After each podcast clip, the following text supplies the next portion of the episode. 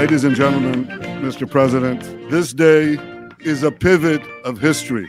It heralds a new dawn of peace. أقف اليوم أمد يد سلام وأستقبل يد سلام The declaration supporting peace between the Kingdom of Bahrain and the State of Israel is an historic step.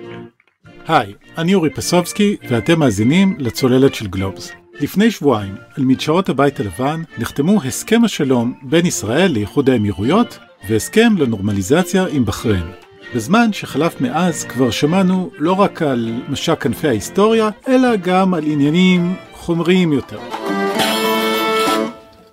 יש מי שמזהה כאן הזדמנות כלכלית ועסקית אדירה לשני הצדדים, ויש כמובן גם דיבורים על עסקאות נשק שמלווים את המעמד הזה. אז איזה דלתות נפתחות בפנינו במדינות המפרץ? מה הן מוצאות בישראל? איך מתמרנים בין הרשויות באבו דאבי והמשפחות ששולטות בכלכלה של דובאי? ואיך איראן משתלבת בסיפור הזה? בכל השאלות האלה ועוד, אנחנו עוסקים השבוע בפרויקט נרחב ומושקע של גלובס, שאפשר למצוא בעיתון המודפס ובאתר וכמובן, אלה גם השאלות שנדבר עליהן כאן, ומי שיצלול איתנו היום למי המפרץ הערבי, לא הפרסי, חשוב לדייק, הוא דני זקן, כתב ופרשן לענייני ערבים של גלובס. היי דני. אהלן. נו, אז הספקת לקפוץ uh, למפרץ לפני הסגר? הלוואי. טרם יצא למרות שיש הרבה הזמנות מהצד השני, אבל uh, בהחלט uh, בקרוב, ברגע הראשון שיתאפשר, נהיה שם.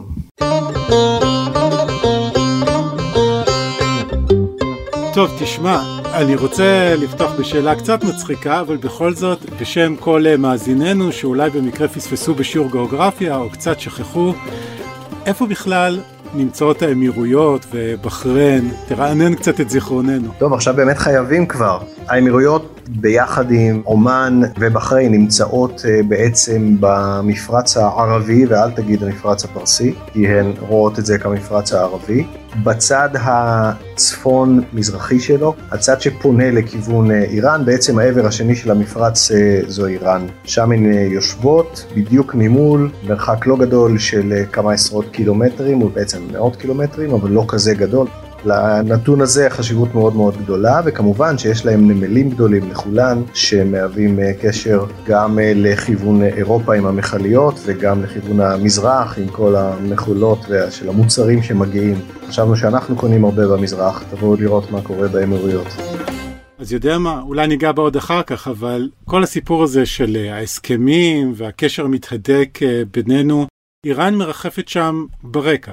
הרבה יותר מברקע, היא בעצם אחד הטריגרים לעשייה של ההסכמים. נלך קצת אחורה לאיראן לאורך ה-20 שנה האחרונות, גם בסוגיית פיתוח הגרעין, גם במדיניות שמטפחת ארגונים, ארגוני אופוזיציה במדינות הסוניות, ארגוני טרור בחלק מהמקרים. רק אתמול פרסמה ערב הסעודית שהיא לכדה חוליית טרור שקיבלה מימון וסיוע מאיראן, וזה קורה לאורך כל השנים. ההמשך הוא בהסכם הגרעין עם איראן שעשה הנשיא אובמה וראשי מדינות אירופה, הסכם שבעצם הוריד מהאיראן האיראנים את הסנקציות ונתן להם בוסט של כסף ואז בשנה שנתיים שלוש האלה שאחרי ההסכם האיראנים נותנים דחיפה עצומה בדיוק לעניין הזה של חיזוק ופיתוח הגורמים הדיסידנטיים, הגורמים האופוזיציוניים במדינות הסוניות. אנחנו רואים את זה עם חיזבאללה ואולי גם עם קצת חמאס וג'יהאד איסלאמי, אבל זה קיים בכמה וכמה מדינות ערב, הם רואים בזה איום. וכמובן האיום הישיר האיראני עצמו כלפי המדינות האלה, שהתבטא בסכסוכים בתוך המפרץ עם המכליות והכל. הסכם הגרעין היה דבר אחד שדחף אותם, פשוט דחף אותם לזרועות שלנו, כי ישראל הייתה המדינה היחידה שהתנגדה בצורה כל כך אקטיבית להסכם, ואז קרה הנס מצידם וטראמפ עלה לשלטון, מה שהביא לכך שיש שינוי כיוון גם במדינות, גם כלפי ישראל, גם כלפי מדינות המפרץ, מקרב ביניהם עם התפיסה הזו של, אני לא יודע אם טראמפ הוא ההוגה שלה, אני בספק רב, אבל התפיסה שאומרת שאולי לחזק מאוד את הברית האזורית בין המדינות הסוניות המתונות לבין ישראל. וחוץ מזה, נדמה לי, אתה יודע, טראמפ גם חידש את הסנקציות על איראן, או הידק אותן, אז יש גם איזה היבט כלכלי פה, אני מניח. לגמרי. קודם כל זה גרם ליצירת מתח גדול יותר. כל הסיפור של העימותים במפרץ עם המכליות, אוניות אמריקאיות שרודפות אחרי מכליות איראניות שמנסות להבריח נפט, וחטיפת מכליות, אפילו עימותים שהובילו למותם של מלאכים ואחרים. אבל גם בהיבט הכלכלי, איראן והמפרציות היו לפחות בקשרי הכלכלה הדוקים, דו-כיווניים, גם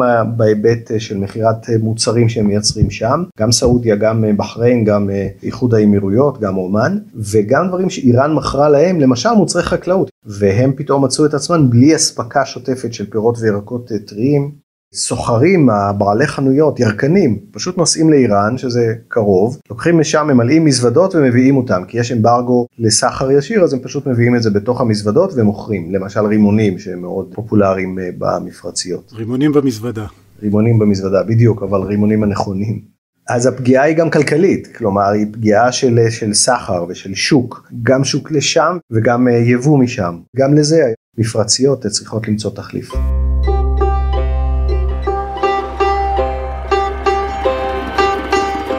אוקיי, אז זה אולי המקום להגיד שאתה יודע, בישראל היו לא מעטים שהציגו את כל uh, סיפור ההסכם הזה והטקסים החגיגיים בוושינגטון בתור איזה כסות שמאחוריה בעצם מסתתרת בעיקר עסקת נשק למכירת uh, F-35 ועוד נשק אמריקאי למפרציות במין uh, הסכמה ישראלית וזה בעצם הסיפור. אם אני מבין נכון, אתה רואה את הדברים קצת אחרת. זה לא שזה לא חלק מהסיפור, ודאי שזה חלק מהסיפור. המצב בין האמירויות לארצות הברית למשל, בהיבט הזה של רכש ביטחוני, היה ככה, הם, אה, הקונגרס עצר מכירה מאוד מאוד גדולה של לא רק ה-F-35 שעוד לא הגיעו בכלל לשם, אלא של הרבה מאוד דברים אחרים, מכל מיני סיבות. זה נכון שזה עוזר להם בהיבט הזה, וזה נכון מאוד גם בהיבט של ה-F-35. אם אה, באמת אה, ישראל באיזושהי הסכמה שבשתיקה תאפשר את זה והאמריקאים יכולים למכור גם בלי הסכמה של ישראל אז זה כן זה חלק מהעניין אין ספק זה עוד טריגר אחד אה, בסוגיה ועוד תועלת שמשיגים האמירתים גם האמריקאים אבל אני גם אפתיע אותך גם אנחנו מרוויחים מהעניין הזה. גורמי ביטחון ישראלים בכירים מהגופים המעריכים הם אומרים mm-hmm. דבר פשוט תשמעו מדובר במדינה שנמצאת ממול איראן. ברגע שלישראל יש סוג של בסיס ביטחוני, גם אם הוא לא ישראלי פרופר, מול איראן שהוא חמוש ומצויד כמו שצריך, לאיראנים זה איום ממשי, זה איזשהו מקום שהם צריכים לשים לב אליו, וההשבעה שהוא עשה לי, או שעשו לי יותר נכון לומר, היא של חיזבאללה עם הטילים מול ישראל, שהיא בעצם זרוע איראנית. לכן גם מי שמבקר את ההסכמים בגלל הסיפור הביטחוני, גם פה זה לא לגמרי עד הסוף נכון. הבנתי מה אתה אומר. מתחיל להזכיר לי את לוח השחמט של המלחמה הקרה, מניידים אה, כוחות על הגלובוס. לגמרי. מדובר בתפיסה כוללנית של האמירתים בעיקר, של מוחמד בן אה, זייד שתכף נדבר עליו. התפיסה שאומרת שישראל היא בת ברית של האמירויות ושל המפרציות והמדינות הסוניות בכלל באזור, שהיא זו שהם יכולים לסמוך עליה אפילו יותר מאשר על ארצות הברית בהיבט הביטחוני, וגם במובנים אחרים הם רואים את עצמם כמדינה אחות לישראל בהיבטים של אופי האוכלוסייה, של הכוונה לגישה ליזמות, לטכנולוגיה, לסטארט-אפים וכולי, מאוד מאוד מעריכים את מה שמכונה אומת הסטארט-אפ הישראלית, את הדרך שבה הצעירים הישראלים יוזמים והכל, והם רואים את עצמם כמי ששואפים לכך. וכמובן יש הרבה מאוד היבטים כלכליים ומסחריים שהם תואמים שהם יכולים לעזור לנו ואנחנו להם ולכן האינטרסים הם הרבה הרבה הרבה יותר גדולים מזה. זה מתבשל כבר כמה שנים. להגיד שזה בגלל עסקת נשק אחת, זה ממש ממש מופרך. זה מתבשל כמה שנים, וברגע שהגיע התזמון הנכון, זה גם קרה, והבנפיט של העסקאות הביטחוניות הוא אכן קיים, אבל הוא רק חלק, אפילו חלק קטן מהעניין הזה.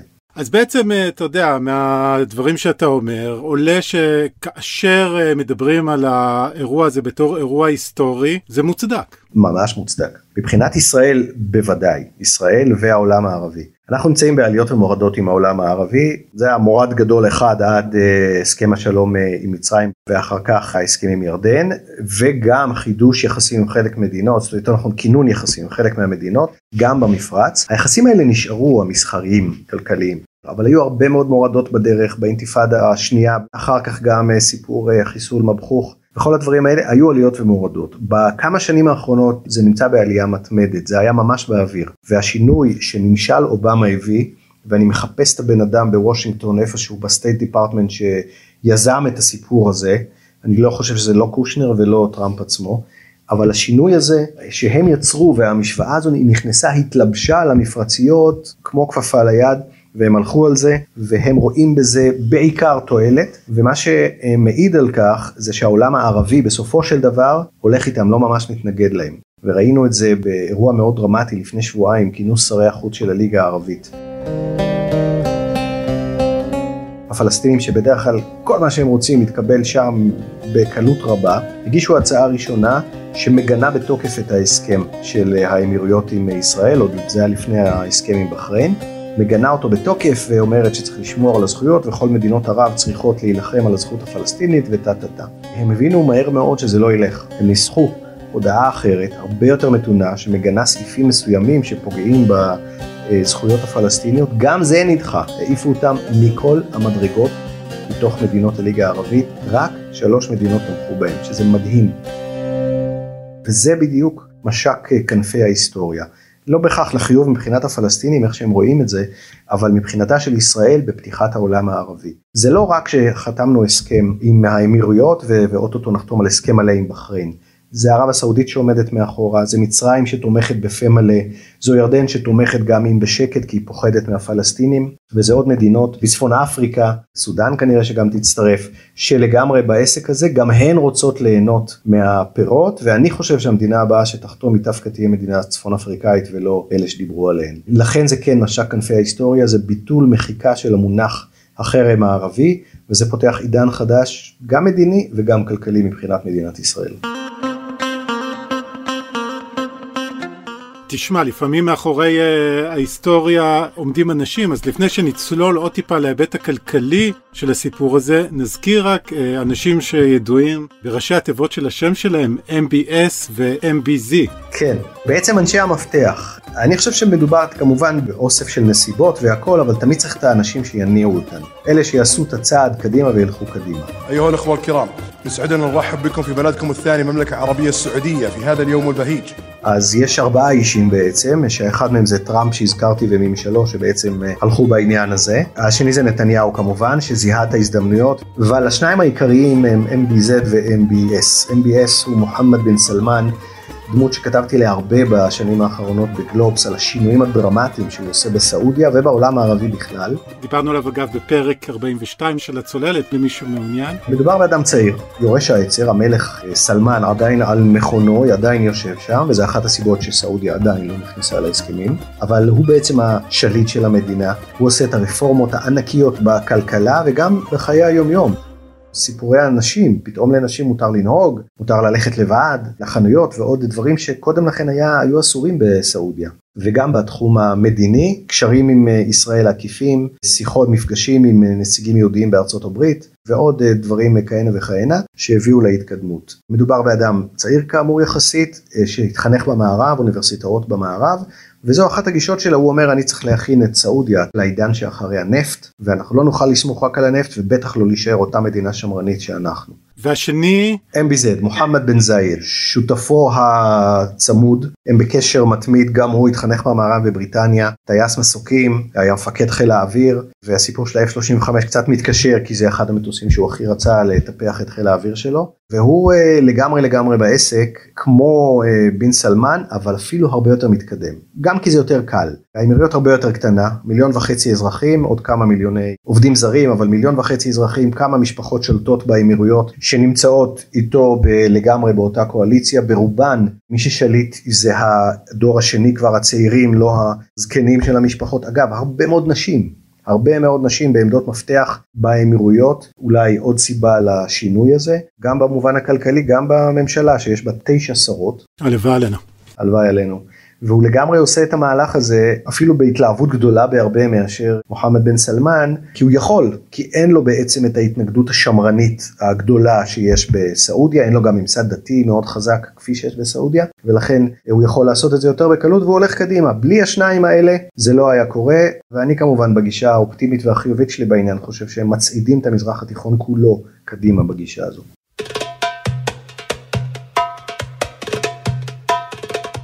בואו נעשה קצת זום אין לאמירויות. אני חושב שהמגדלים של דובאי זה אחד הסמלים שמכירים פה בישראל, אבל בעצם אתה מבדיל בין המשפחות העשירות של דובאי לבין הממסד באבו דאבי. האמירויות בעצם זה שבע אמירויות, נסיכויות אם תרצה, שמחוברות בקשרים מדיניים, זאת אומרת הן מדינה אחת. כל אחת מהן היא אוטונומיה בפני עצמה, יש לה גם חוקים משלה, ויש לה שליטים משלה, שאלה המשפחות, שהם נסיכים, זאת אומרת זה לא בדיוק בחירות, אלא זה עובר בירושה. באבו דאבי שולטת משפחת בן זייד, המשפחה השלטת גם שמחזיקה בכמה מהתפקידים הבכירים בממשלה ובשלטון, והיא נקרא לזה הירושלים אם תרצה. של אה, איחוד האמירויות, לעומת אה, דובאי, שהיא הסוג של התל אביב, המרכז העסקי הפרטי יותר. זה, זה לא הקבלה הכי מדויקת בעולם, כי גם אה, לאבו דאבי לא חסר בכלל במובן העסקי, אבל היא היותר ממשלתי, המגזר היותר ממשלתי יושב שם. ו...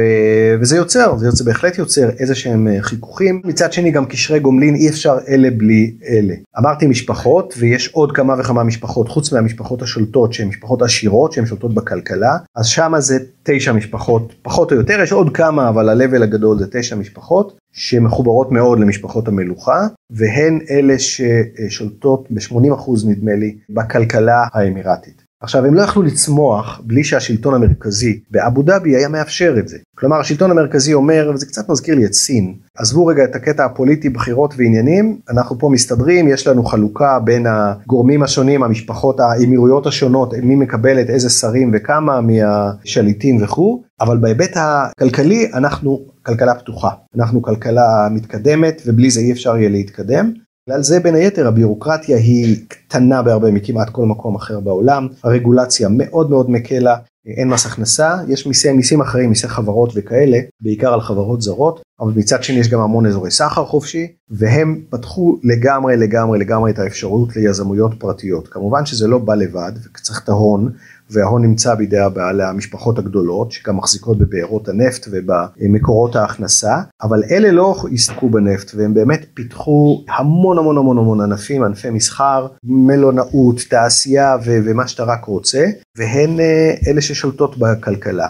מה שקרה בשנים האחרונות, בין היתר בגלל ירידת מחירי הנפט והאובדן הכנסות של המדינה כמדינה, אבו דאבי הממשל המרכזי הפך להיות סוג של יזם בעצמו. הוא היה גם קודם אבל פה הוא חיזק מאוד את הקטע של היזמות שלו והפך להיות מתחרה בלא מעט דברים במשפחות האחרות. אלה לא מתלהבות מהעניין, חייבים להגיד, אבל חלק מהן נקשרות דרך הממשלה לפרויקטים, חלק מהן מתחרות, בדובאי למשל, ששם המרכז העסקי כאמור, אז שם לממשלה יש הרבה פחות דריסת רגל, לעומת אבו דאבי הבירה, ששם הממשלה היא השותף העיקרי. נשמע שיש פה איזה, אתה יודע, חבל דק שאנשי עסקים ישראלים אה, צריכים לצעוד עליו, לתמרן בין תשע המשפחות האלה לבין אה, השלטון באבו דאבי. לגמרי, ואחת העצות שקיבלתי מכל מי שהתעסק איתם ישראלים ושמה ואנשים אחרים, אנשי ביניים, תלמדו טוב טוב את יחסי הכוחות האלה, תלמדו טוב טוב את השפה העסקית, לא, לא בהכרח מדובר על ערבית, תבינו את הניואנסים ותפעלו אה, בידיעה של גורמי השלטון לפחות, כי גורמי השלטון נמצאים בכל מקום כולל בדובאי עם כל אה, הפרטיות שלה, עם כל המגזר הפרטי הגדול שלה.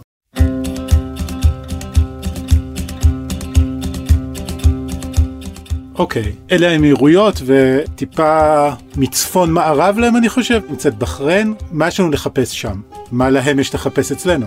בחריין זה הסוג של התגלית שלי מהשבוע שבועיים האחרונים. אחרי שהוכרז על החתימת הסכמים ונחתם ההסכם הראשון הבסיסי, הלכתי קצת לחפור ולבדוק. תשמע, הפוטנציאל שם לא פחות ואולי אף יותר מאשר האמירויות. היתרון הגדול של האמירויות זה שוק מסוים, מדינה של תשעה מיליון תושבים, רובם כאמור עובדים זרים, עם שוק קיים, עם הרבה פוטנציאל לדברים בתחום אה, סולר, מים וכולי, דברים שמאוד רוצים, חקלאות וכולי, אבל בעיקר המסחר עם מדינות אחרות בעולם.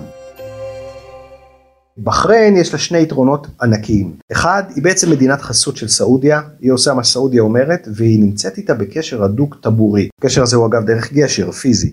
בחריין היא אי גשר מחבר בינה לבין ערב הסעודית. אה, זה המטאפורה המושלמת, הגשר לסעודיה. לגמרי, זה מה שאתה רק רוצה אפשר לקרוא לזה. בכל מקרה, זה אומר קודם כל שאין אה, חומות מכס ומיסוי בין אה, ערב הסעודית לבין בחריין. כלומר, אם אתה מעביר משהו מבחריין לסעודיה, לא תשלם על זה שום מכס. כאילו מכרת ישירות לסעודיה. הדבר השני זה הם אזור סחר חופשי עם ארצות הברית. סחר חופשי עם ארה"ב גם לישראל יש, אבל מה היתרון של בחריין? כוח האדם שם זול מאוד. כלומר לכאורה, ואנחנו פה אולי יוצאים קצת נגד אה, עניינים חברתיים, סוציאליים ומוסריים, אבל אם אתה בעל מפעל ישראלי, יהיה לך זול בהרבה לייצר את המוצר שלך בבחריין ולמכור אותו לארצות הברית משם, כי גם שם יש את הסחר החופשי.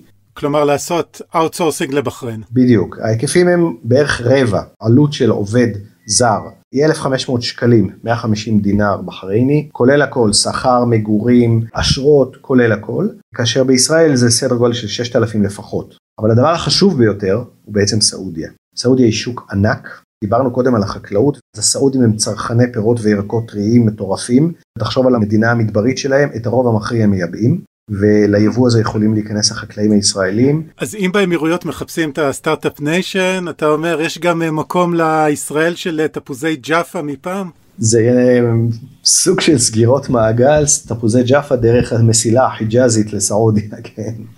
במקרה הזה מסילה חיג'אזית דרך מנמה בחריין, כן.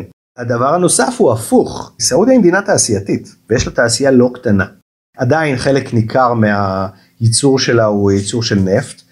אבל uh, מה שעשה MBS, מוחמד בן סולטן בין היתר, זה גיוון בהרבה של uh, הכלכלה ועל ידי הקמה של מפעלים. חלק לא קטן מהם קשורים לנפט, למשל uh, הסיפור של פלסטיק, פלסטיק הוא תוצר לוואי של נפט, ויש שם מפעלי okay. אוקיי. פלסטיק עצומים.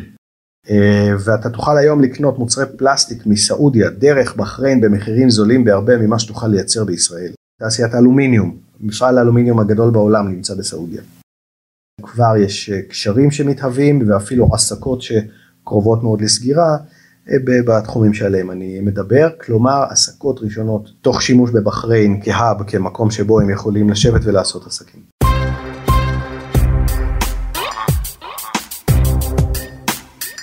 הזכרת קודם את העבודה אה, הזולה בבחריין, זה גורם לי קצת לחשוב, אתה יודע, אנחנו רגילים לתמונות כאלה של שוטרים נוהגים באמוריות אה, בפרארי וכל מיני תמונות עושר אה, ופאר, אבל לא כולם שם, אני מניח, נהנים מהעושר הזה, ואני תוהה איך ההסכם עם ישראל, שבוודאי מסקרן שם אנשי עסקים, משני הצדדים כמובן, ושמזהים פה הזדמנות, איך הוא נתפס על ידי האוכלוסייה שם. אז פה צריך לעשות הבחנה בין בחריין לבין האמירויות.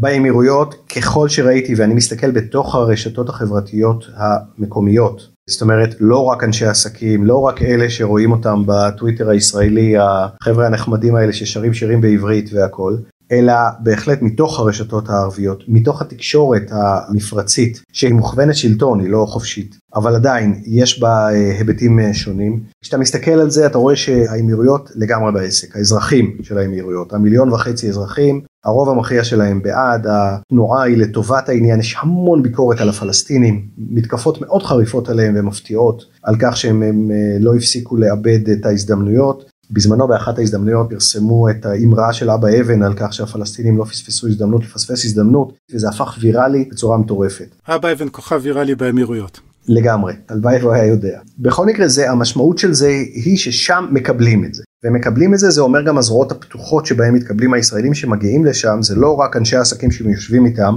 אלא גם בבית קפה וגם במקומות האחרים. וזה התגובות שאני מקבל מכל המשלחות שיצאו שם בלי יוצא מן הכלל. בחריין היא סיפור קצת אחר, א' יש לאוכלוסייה שיעית גדולה, בעצם הרוב הוא שיעי, בסך הכל מדובר אגב ב-750 אלף נפש, זה לא אוכלוסייה כזו גדולה, חצי מיליון ממנה בערך היא שיעית, היתר עם סונים, כאשר הסונים יושבים בשלטון, לכן היית יכול לצפות שיהיה אפילו ביקורת מאוד חריפה.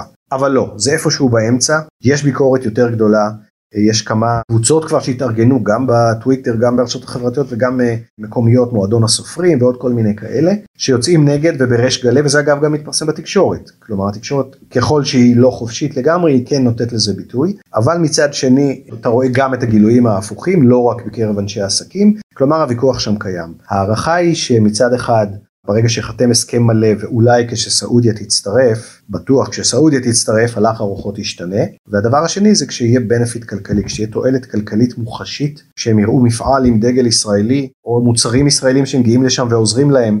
אני חושב שאם אני הייתי שר התשתיות הישראלי, הייתי רץ לשם ומביא לשם את כל טכנולוגיית המים האפשרית לבחריין כדי לעזור להם, כי זו הבעיה מספר אחת שלהם, מים. המים לא הם נוראים, הם 30% מלוכים, הם לא שותים מהברזים, גם לא עושים קפה מהברזים ולא מבשלים איתם, הכל במים מינרליים מבקבוקי פלסטיק. הטיפול בביוב הוא נורא, וישראל מבחינה טכנולוגית יכולה לתת להם את כל הפתרונות שהם אה, צריכים לצורך העניין הזה. אז ברגע שהם יראו משהו כזה, אז יש מצב שגם יהיה שינוי, אבל אתה יודע, חלק תמיד יישאר נגד, להזכיר, הרבה מהם הגיעו מאיראן, הם בבסיסם איראנים ובקשר חזק עם איראן.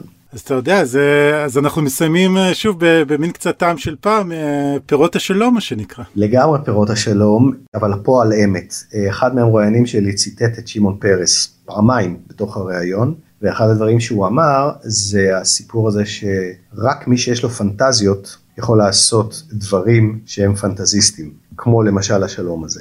אגב, גם ממצרים וירדן יש לנו פירות שלום כלכליים, אבל בגלל התגובה כן. של האוכלוסייה שהיא קצת יותר מנותקת והשלום הקר, אז זה פחות בולט, וגם הם מדינות שהן עניות, אז הסיפור שם הוא אחר. פה במקרה הזה הכלכלה הישראלית תרוויח המון, תקטוף הרבה מאוד פירות מהשלום הזה עם האמירויות, גם עם בחריין, כפי שדיברנו עליה, ואני מקווה מאוד מאוד, המוח האופטימי שלי הולך לכיוון הזה, שדרכם גם ליתר מדינות ערב, גם לא המפרציות, כולל הפלסטינים. שנמצאים איפשהו מאחורה, אבל אולי דרך התועלת הכלכלית איכשהו ייגררו גם כן. אוקיי, okay, דני זקן, נסיים, אה, אתה יודע, ברוך אופטימי, תודה רבה. תודה אורי.